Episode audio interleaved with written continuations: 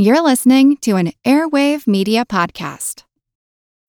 When you need mealtime inspiration, it's worth shopping Kroger, where you'll find over 30,000 mouthwatering choices that excite your inner foodie. And no matter what tasty choice you make, you'll enjoy our everyday low prices, plus extra ways to save, like digital coupons worth over $600 each week. You can also save up to $1 off per gallon at the pump with fuel points. More savings and more inspiring flavors make shopping Kroger worth it every time. Kroger, fresh for everyone. Fuel restrictions apply. Another day is here, and you're ready for it. What to wear? Check. Breakfast, lunch, and dinner? Check. Planning for what's next and how to save for it? That's where Bank of America can help. For your financial to-dos, Bank of America has experts ready to help get you closer to your goals. Get started at one of our local financial centers or 24-7 in our mobile banking app. Find a location near you at bankofamerica.com slash talk to us. What would you like the power to do? Mobile banking requires downloading the app and is only available for select devices. Message and data rates may apply. Bank of America and a member FDIC. This is Kick Ass News. I'm Ben Mathis.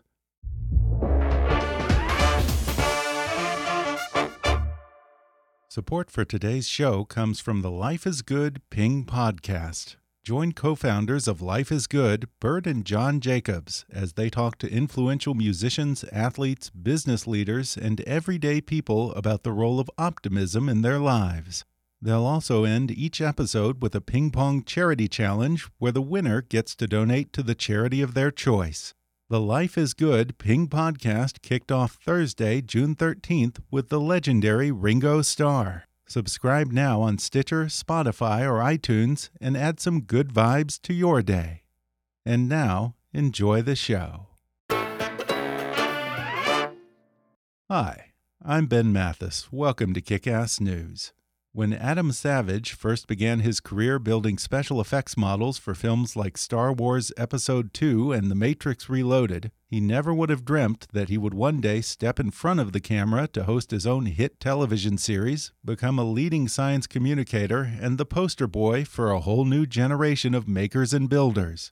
After all, he's still just having fun doing what he loves, making cool stuff and blowing it up, whether it's on his hit Discovery Channel series Mythbusters or his spin off for young people, Mythbusters Jr.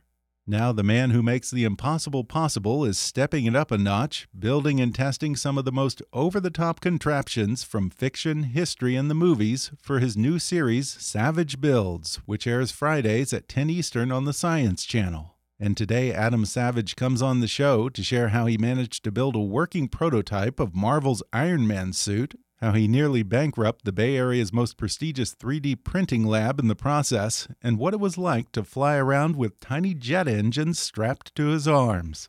He discusses how Oscar winning director Peter Jackson helped him take to the skies in a real life World War I dogfight, why his attempt to recreate one of World War II's most monumentally bizarre inventions was less than successful, and the importance of asking questions and embracing failure. Adam talks about his love of juggling and magic, his friendship with famous magician and leading skeptic, the amazing Randi, why Adam fears that the skeptic community has grown too hostile, and how he discovered that Darwinism doesn't make for good television plus his obsession with the dodo bird, and why coat hangers are a maker's best friend. Coming up with Adam Savage in just a moment.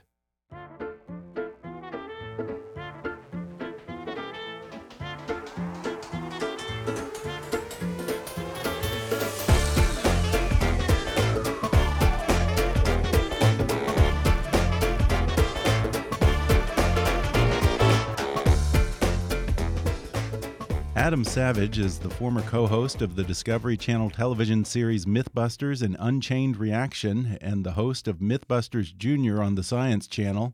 Prior to that, he was a special effects designer and fabricator whose model work has appeared in major films, including Star Wars Episode II and The Matrix Reloaded. Now, Adam has a new show called Savage Builds, which airs Fridays at 10 Eastern on the Science Channel. Adam, welcome to the podcast. Thanks for having me.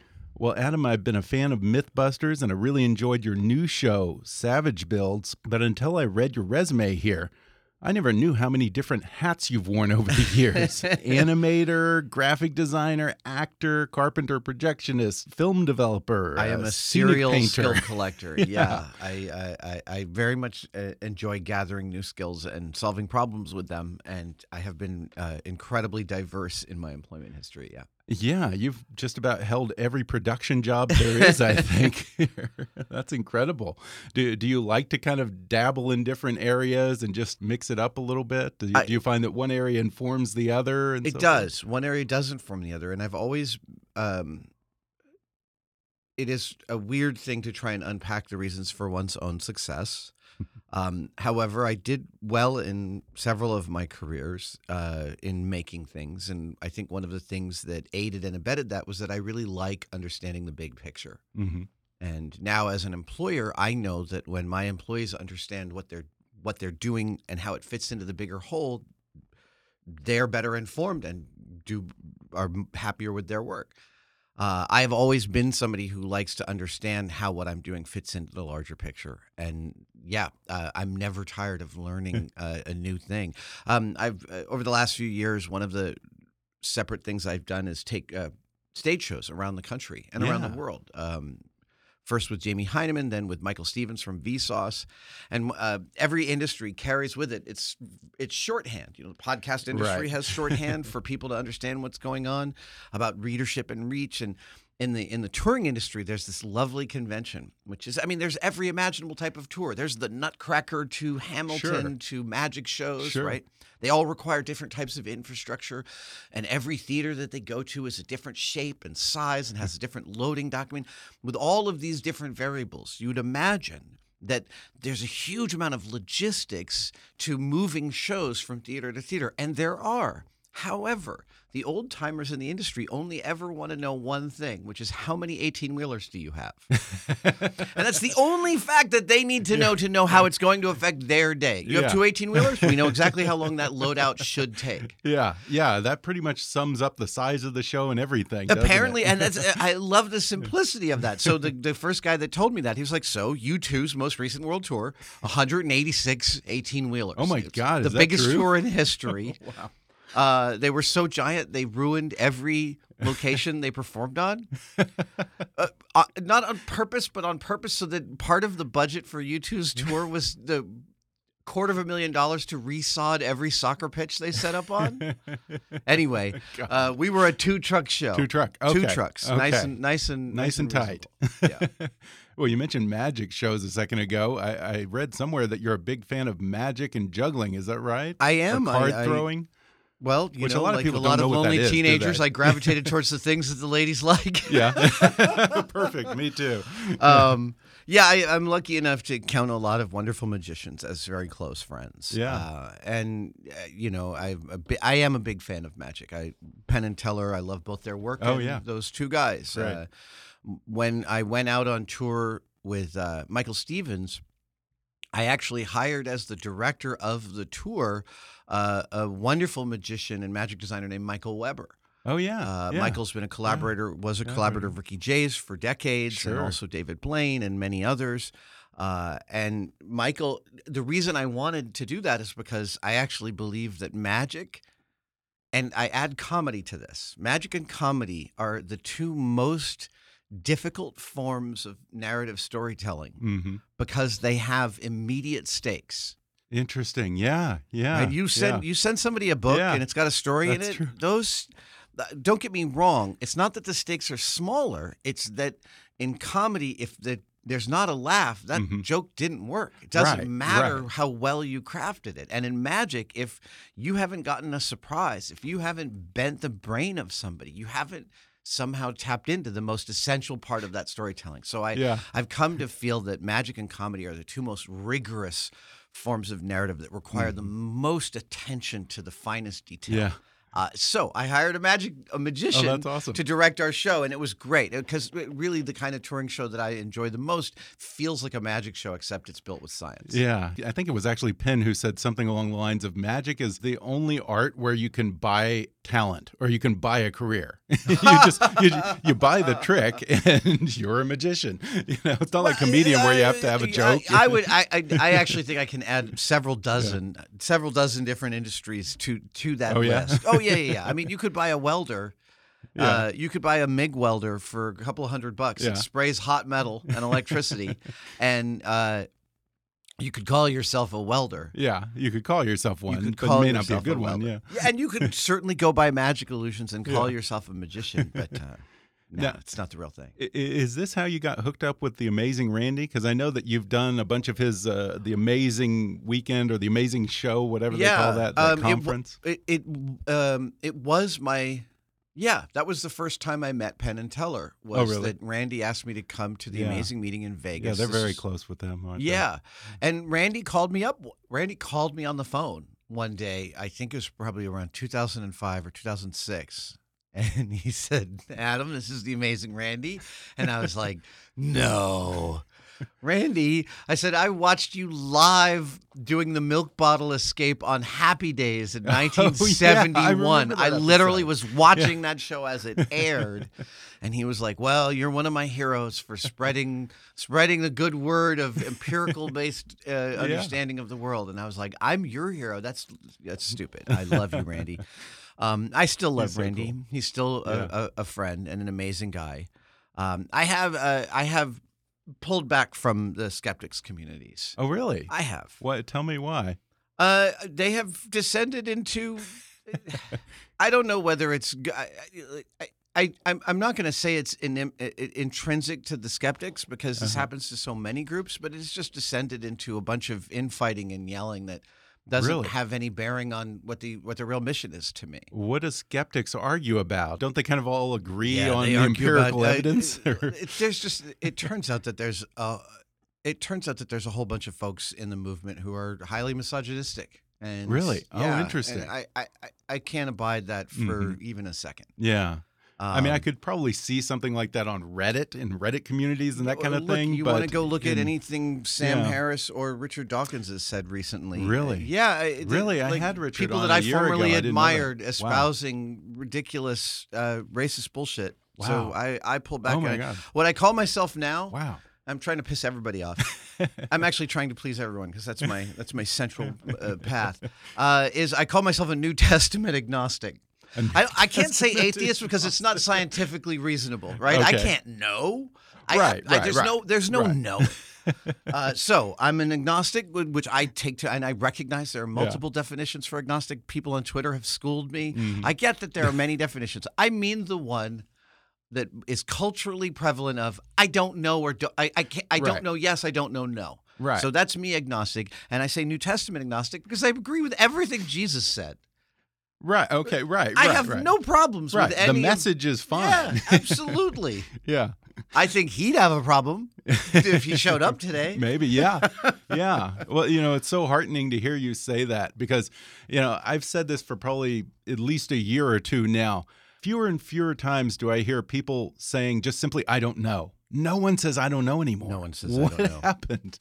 Well, and so the other thing about it is, uh, the the last linchpin in there is, I fully I read and I loved uh, Hitchens for all of his Mhm, insanity. sure. I, I loved God is not good. Yeah.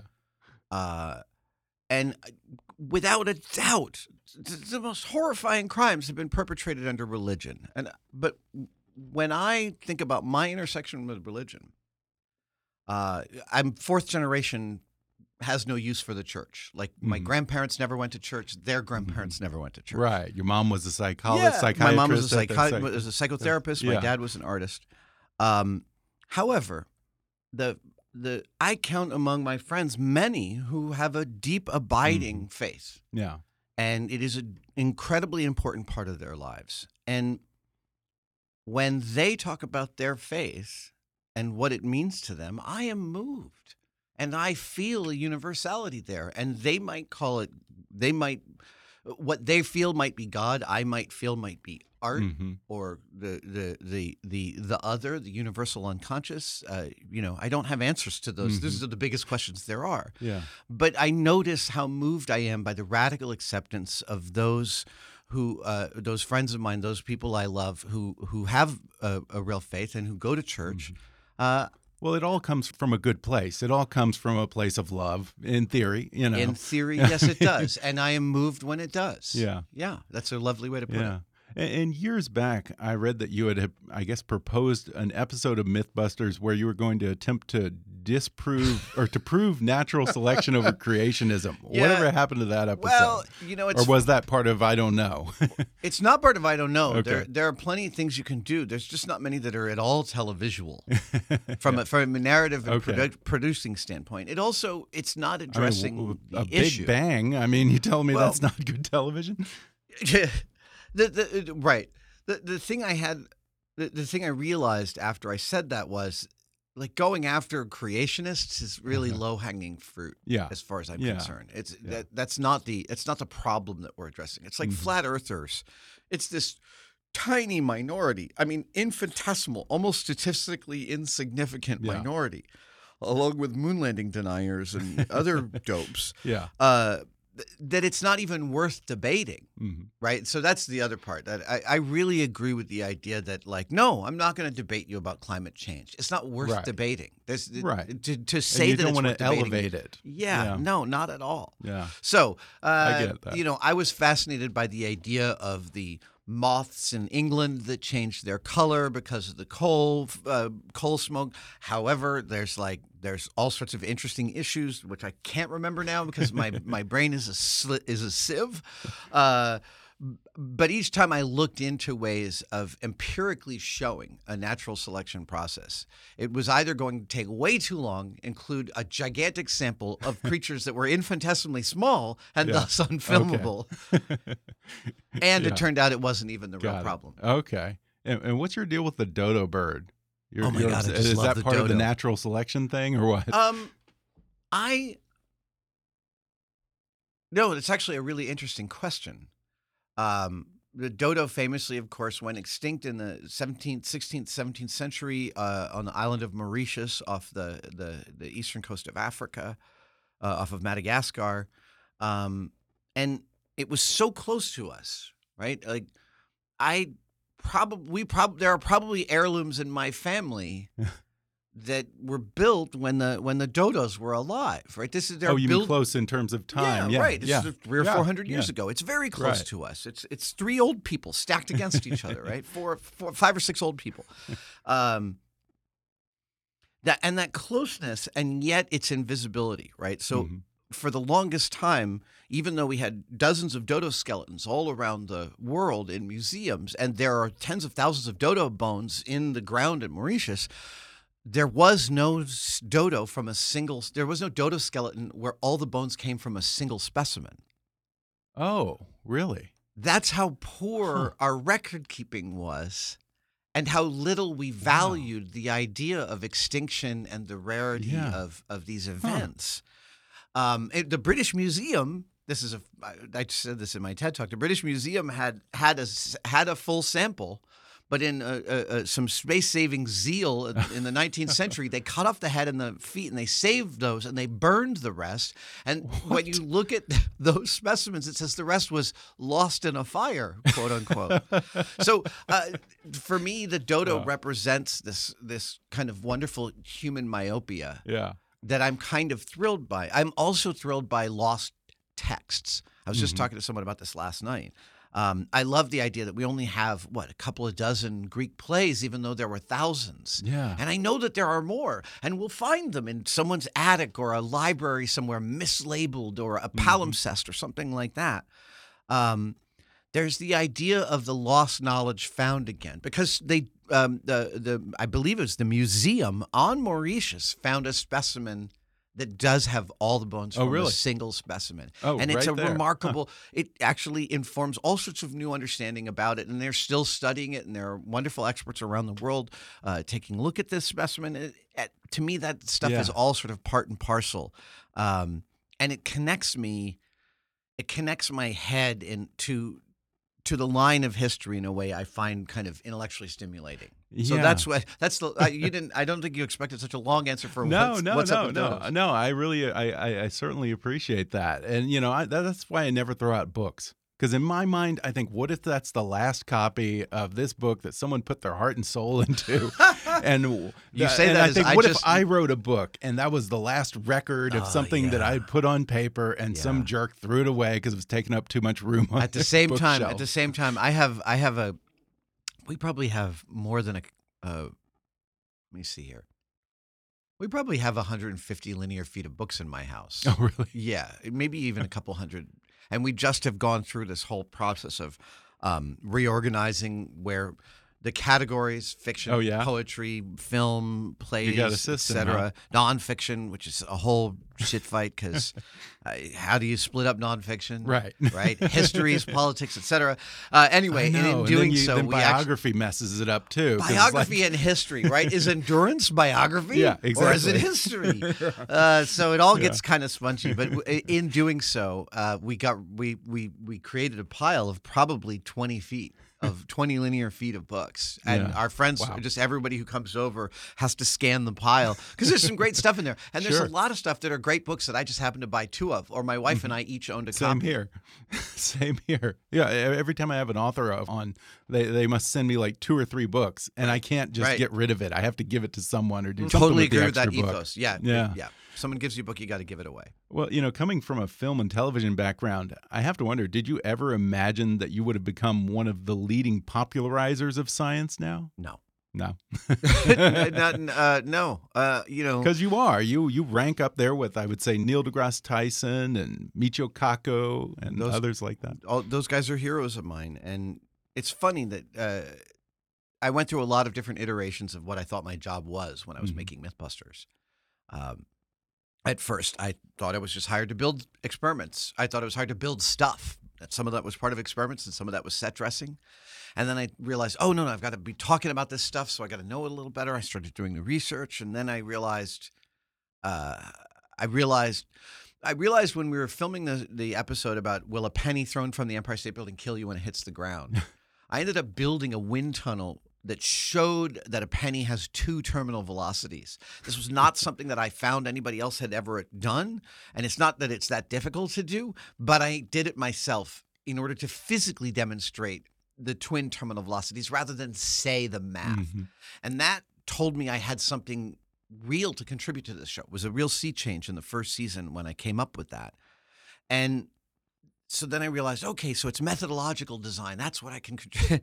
and uh, somewhere around the- the mid middle of MythBusters tenure, 2007, 2008, I'm I'm in a uh, in a podcast with Neil deGrasse Tyson, Oh yeah, you just mentioned Star Talk uh, in New York whatever. at Star Talk. I'm doing his podcast, Star Talk, and I'm watching him go, and I'm thinking, look at this guy. He is a vat grown science communicator. This is Yeah. his mission. He is a Yeah. proselytizer. I'll bet there's planets on his underpants, right? like this guy is committed. And then I thought that is such a cool mission to have. And then I realized, oh, I am also a science communicator. That is also my mission Yeah. right and we we we take that mission and then i i ultimately came around to realize for me uh the step goes one level higher not higher but one level elsewhere and the and the elsewhere is storytelling hmm that uh that when I was a model maker on Star Wars, gluing little bits of plastic models onto spaceships, the aesthetics of where that little plastic bit goes and whether it's level or not and what goes to it and from it and the paint job it gets, all of those decisions are informed by a story that's in the head of the person acting upon that little piece of plastic. hmm And if I, as the model maker, don't have a clear story about what that thing is and does, I don't have to have a actual story of oh this is the turbine encabulator None, that's not what i mean what i mean is if i look at it and it doesn't feel right the story is not being told correctly Right. and so i'm imbuing this object with the right narrative to help the filmmaker tell their story Mhm. Again, I- looking at the big picture, how it all fits in. Right. Yeah. Right. Because the big picture of the Star Wars universe is very different than the big picture of the Star Trek universe. They have Yeah. radically different aesthetics, and you better understand them at least intuitively. Otherwise, you won't be able to Yeah. model make within those universes. Yeah. And so I realized that what I did, what I've been doing on MythBusters, and what I continue to do, even with my science uh, proselyt- proselytization of science, is point out to people that all we're doing is we're building stories to understand the world Mhm. and the universe. And this is my this was the, the the the real understanding I came to from making the show Mythbusters is that science and art are not either ends of a spectrum. They are simply two different ways that we tell stories to better understand Yeah. ourselves and our universe. And Yeah. one is arguably more Yeah. rigorous and the other is arguably more emotional, but cases there are plenty of outliers and plenty of crossover. They vend deeply. We're going to take a quick break, and then I'll be back with more with Adam Savage when we come back in just a moment.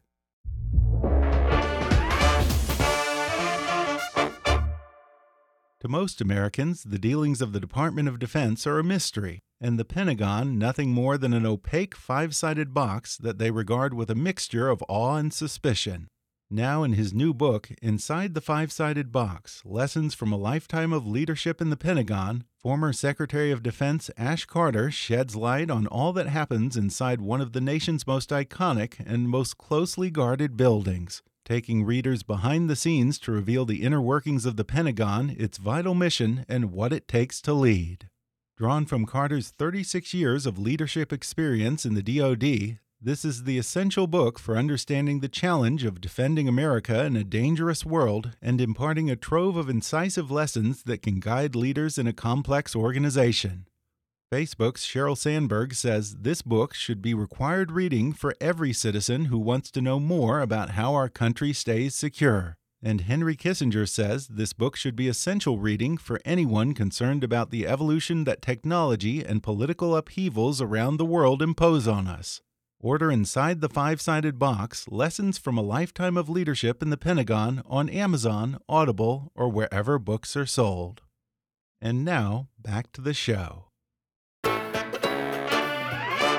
I have to say, it just seems like you have the funnest job in the world. Uh, Do you still get that thrill every time you get to take something that you've built and then put it to the test? I do. I do. Yeah, and that thrills on camera and I love bringing that thrill to the story. Um, I will add, commensurate with that, is also the hardest job. Like Oh, oh. everything that we do, that whenever we are doing something that we truly love and that we want, because we love it, we want it to be as good as it can be. Mhm. We're, it's going to take every last ounce of our of our effort and our energy and our heart. And so, uh, the thing I like to po- point out to people is MythBusters and Savage Builds is no different. It is so much fun making that show, and I'm making it with my family. These are hmm. people I worked with on MythBusters for more than a Yeah. decade and a half. So it's it's a great set, it's a great crew, it's a great build a build environment. And it's also the most difficult four months Yeah. I've had in my life. I'm Uh, sure. You know, is- you you you you you put your whole you put your whole self into the thing. Yeah, and I have to imagine that it's got to be somewhat heartbreaking when you build something and you're really rooting for it to be able to pull it off, and then it just doesn't pan out or goes Well, sideways. And so that happened in the second season of Savage. In- Sorry, in the second episode of Savage Builds, Right. where we replicated the Great Panjandrum. one. Uh, yeah, explain what that is because I don't think most people know what a panjandrum. Yeah, I can't and- even say it A right. panjandrum. It was a, it was a, it was a real tongue twister for everybody. A panjandrum. Picture a giant steel frame that describes a spool Mhm. with uh, with uh, ten foot wheels and about a six foot wide uh, axle between them.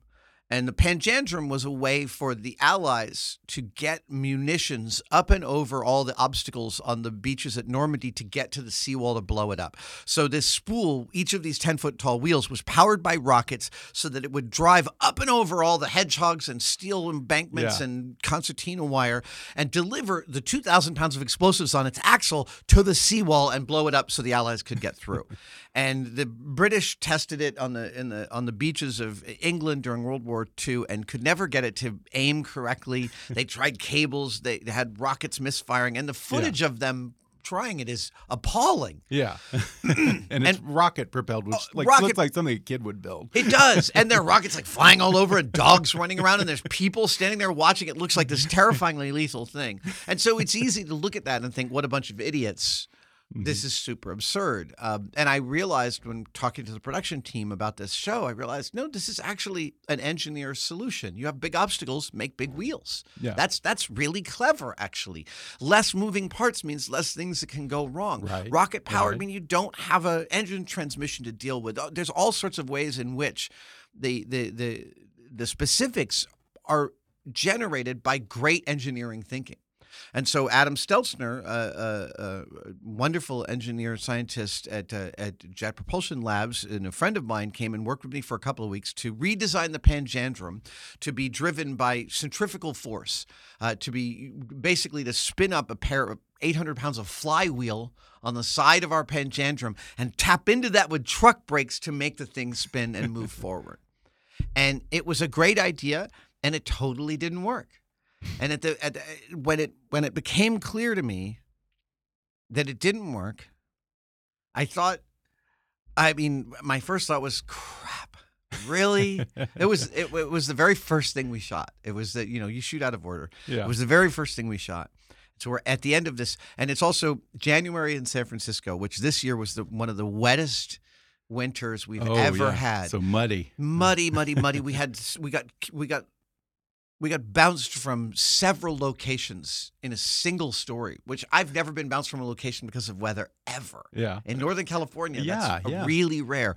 So this episode was a, was a grueling bear of a battle every single day. And on the last day, as the sun is setting and this thing totally craps the bed, I looked at it and I was like, okay, I have to accept that we don't have any more money to do this again, that we're out of time, so there's no more days, and this thing definitely doesn't work.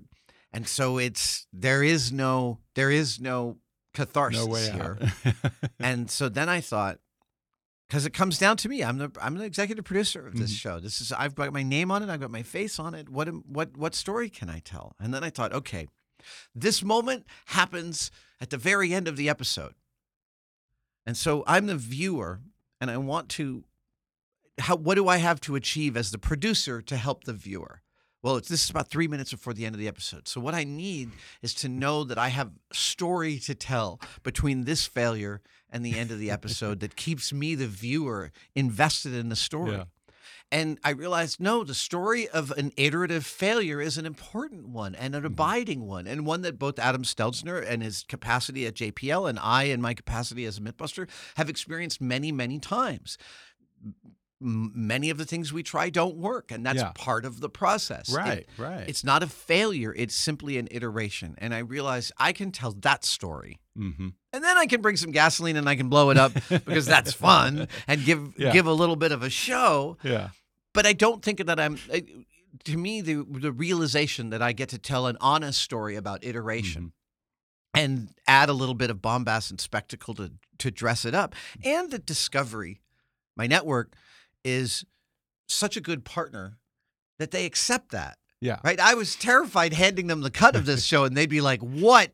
You can't make a show where you fail." I was totally expecting that, and they were like, "No, we like this episode," and I thought this Yeah. is great because Well, that's science. It's, I mean, is. Discovery should should definitely embrace that. We want people to dare to try and fail and then try again. there's nothing more intimidating to people than unfettered success, Mhm. Yes, right? Absolutely. And so when we look at someone like Elon Musk, we're like, wow, PayPal, Tesla, SpaceX. And it's like, Yeah. I am so sure if you could unpack the the the, the can of Elon Musk, you'd find all sorts of horrifying failure and self-doubt I think we are right now. it's plausible. And it's really important that we normalize and talk about Yes, that because yes. when, when we only show successes, that makes kids think what I used to think, which is that science is only for smart people. right. And yeah, the fact is, true. it's not. Yeah. The distribution of idiots is equivalent across every field, including science. And if you think you have a proclivity, you have something to contribute. Uh, My biggest goal with science communication is helping kids realize that it's not an avocation, it's just Mm-hmm. a vocation. Yeah. And more than that,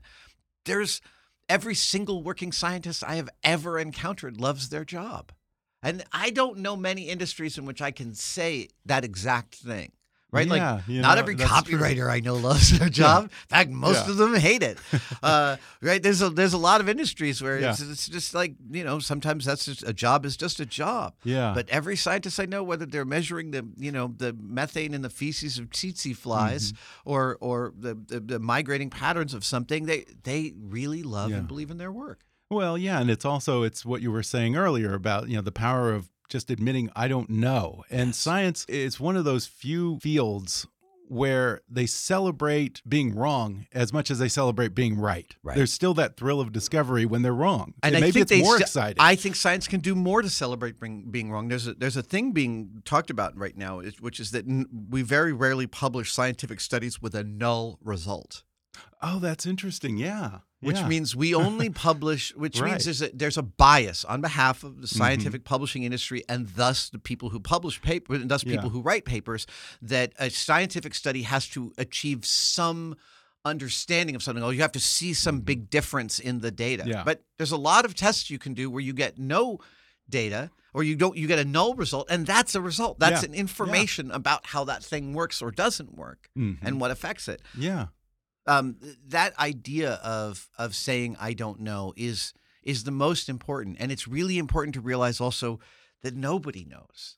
Yeah. I I once went to uh, I was in in a legal battle with someone a few years ago, and they their stance on every aspect of the legal battle was, well, we'll just take it to court and get them to decide, Mhm. as if there was just like the back of a box that someone could read and follow a path. And the answer I realized going through all this legal crap was no, there's absolutely no hard and fast rules for any of this. It's all interpretive. Oh yeah, yeah. And, And who knows what kind of jury you get? Yeah. And it- science is the same exact way. I think a lot of people think, well, I don't know, but also I'm assuming somebody knows. And Mm-hmm. the answer is the end of every line of questioning is we have no idea. Yeah. What is gravity? Well, I can tell you what it does, and I can tell you about the inverse square law, and I can very finely measure its effects. But what is it?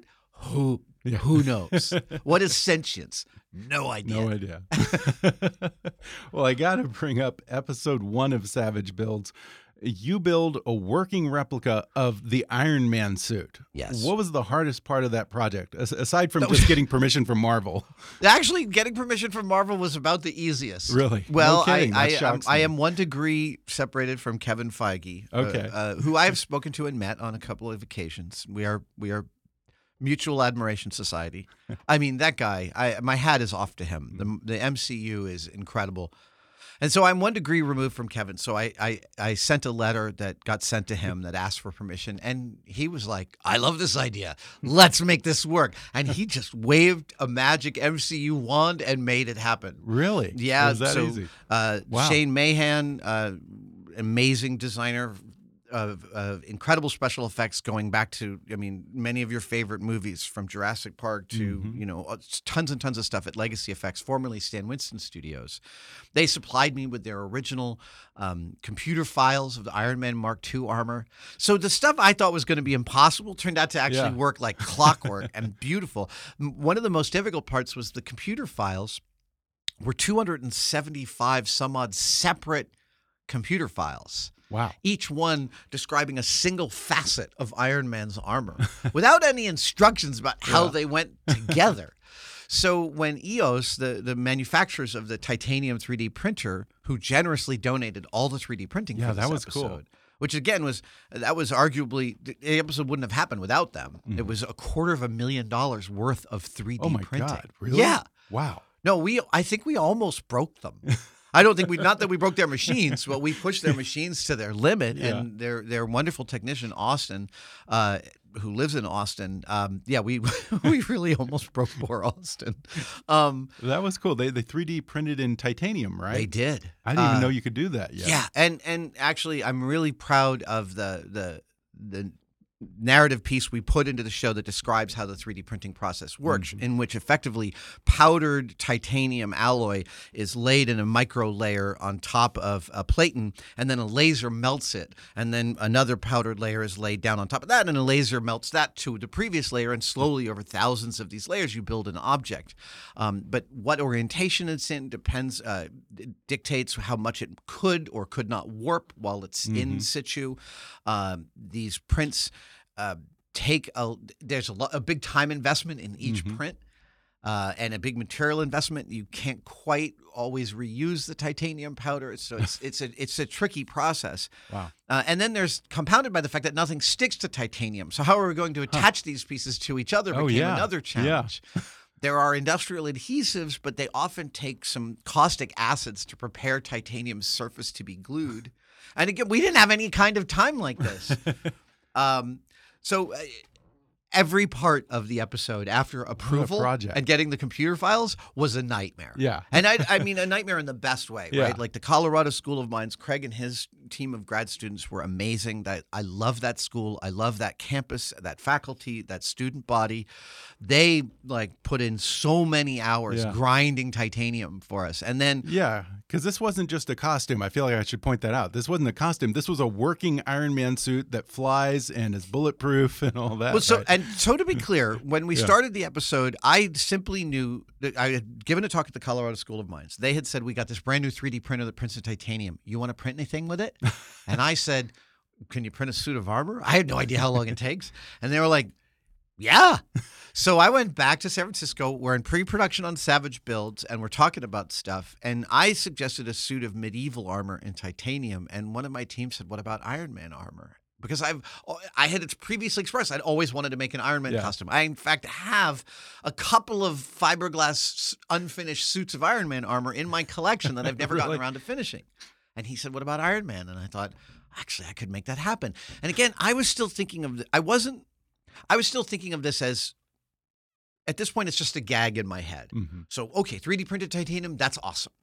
Uh, Iron Man armor, that's great. We can put those together and we can get these things rolling. And now that ball seems to be rolling, which is great. But then we get to the Colorado School of Mines, and one of the students shows me a scanning electron microscope uh, photo of regular titanium and the sintered 3D printed titanium. And it turns out uh, all metal, all metal has different sorry, every metal has its own properties of its flexibility or ductility, uh, its uh, its springiness, its softness, and often within metal groups, uh, these properties can be adjusted with alloys, i.e., adding other metals to the metal that you're that you're using, and also by the application of heat under careful Okay. conditions. Yeah. So, for instance, that whole thing where you heat a steel sword up to and then quench it in oil, these are all ways to adjust the internal structure of the steel to be both hard and flexible enough to be a sword. Okay. Well, when you're 3D printing titanium, it turns out you can actually attenuate its grain structure in the 3D printing process itself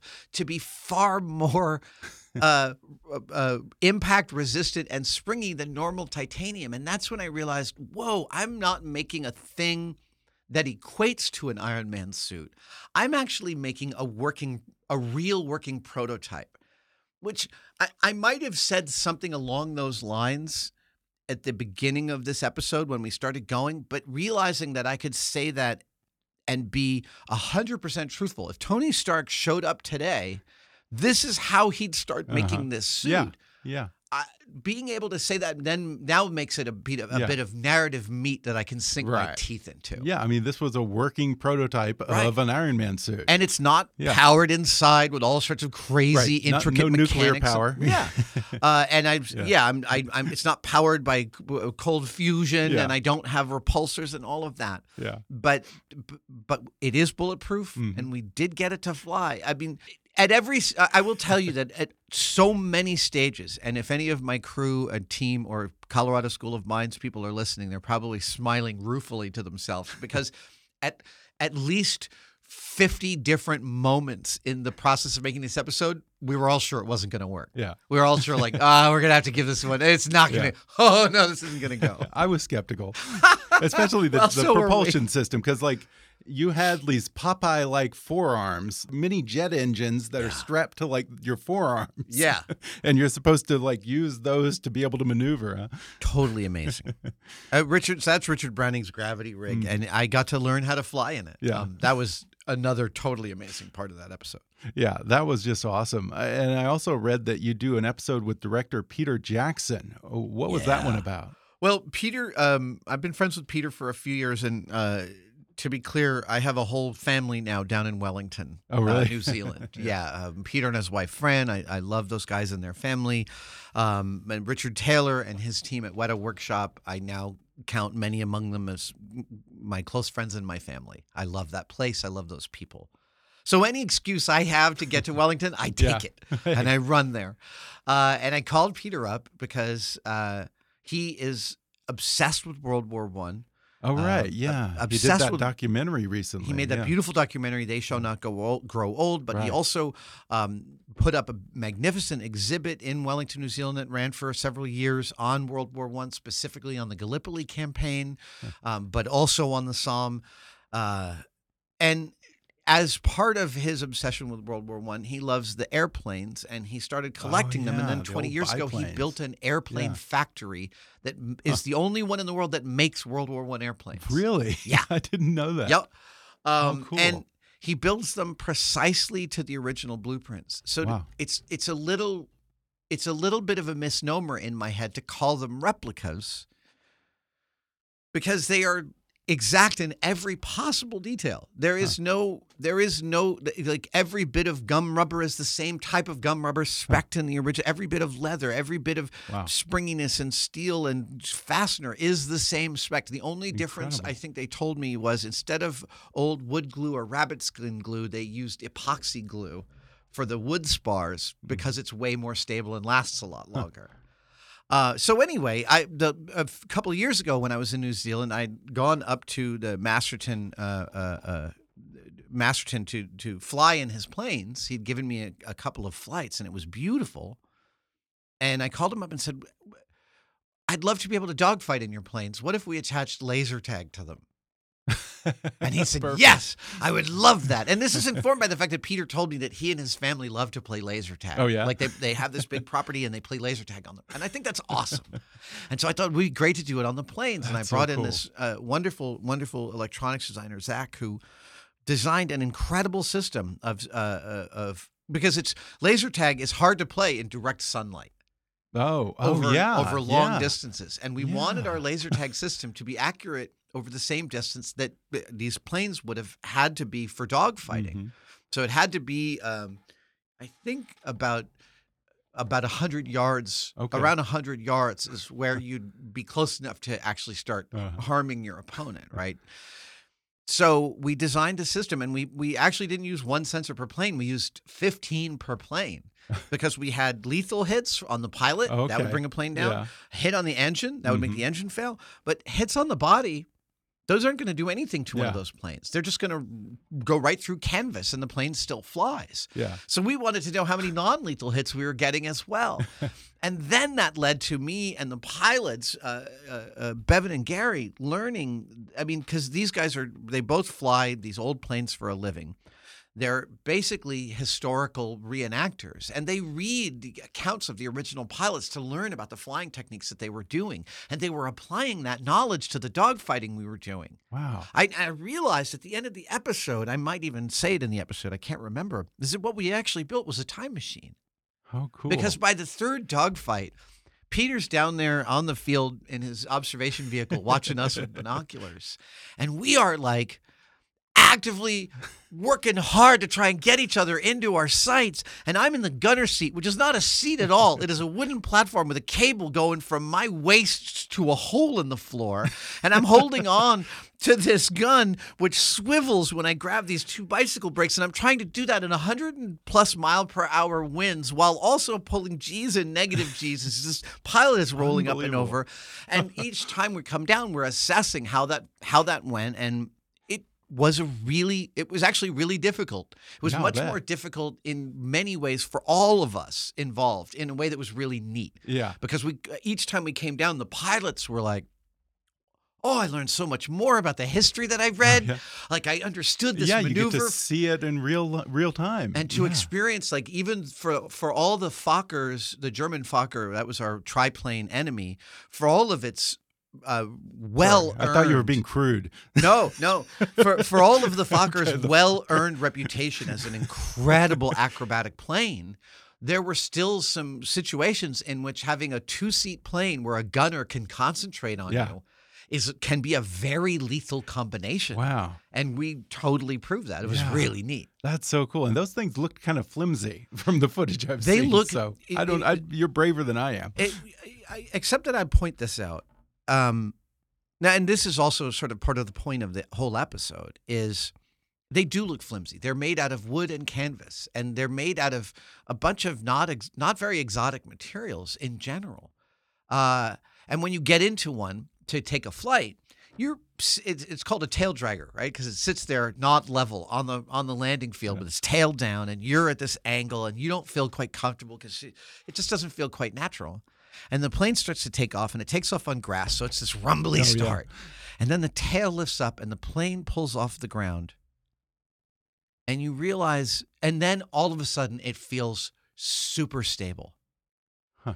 And you realize I, I think an, every human that would be in one of these planes could feel that stability. As an engineer, what I understand is I'm in a machine built to do a thing. And until it's Yeah. doing that thing, it doesn't feel Mhm. stable. On the ground and rumbling along, it feels like this rickety canvas and wood cart. But the moment it takes to the air, I'm in a machine not only designed and built to be in the air, but designed over such a rigorously iterative process between 1914 and 1918 when the British went from 20 what 250 planes? No 25 planes to 25,000 planes in 4 years.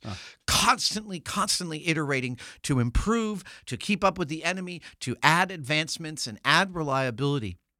That these machines were designed and built by the greatest engineers on earth at the moment they were built. Wow.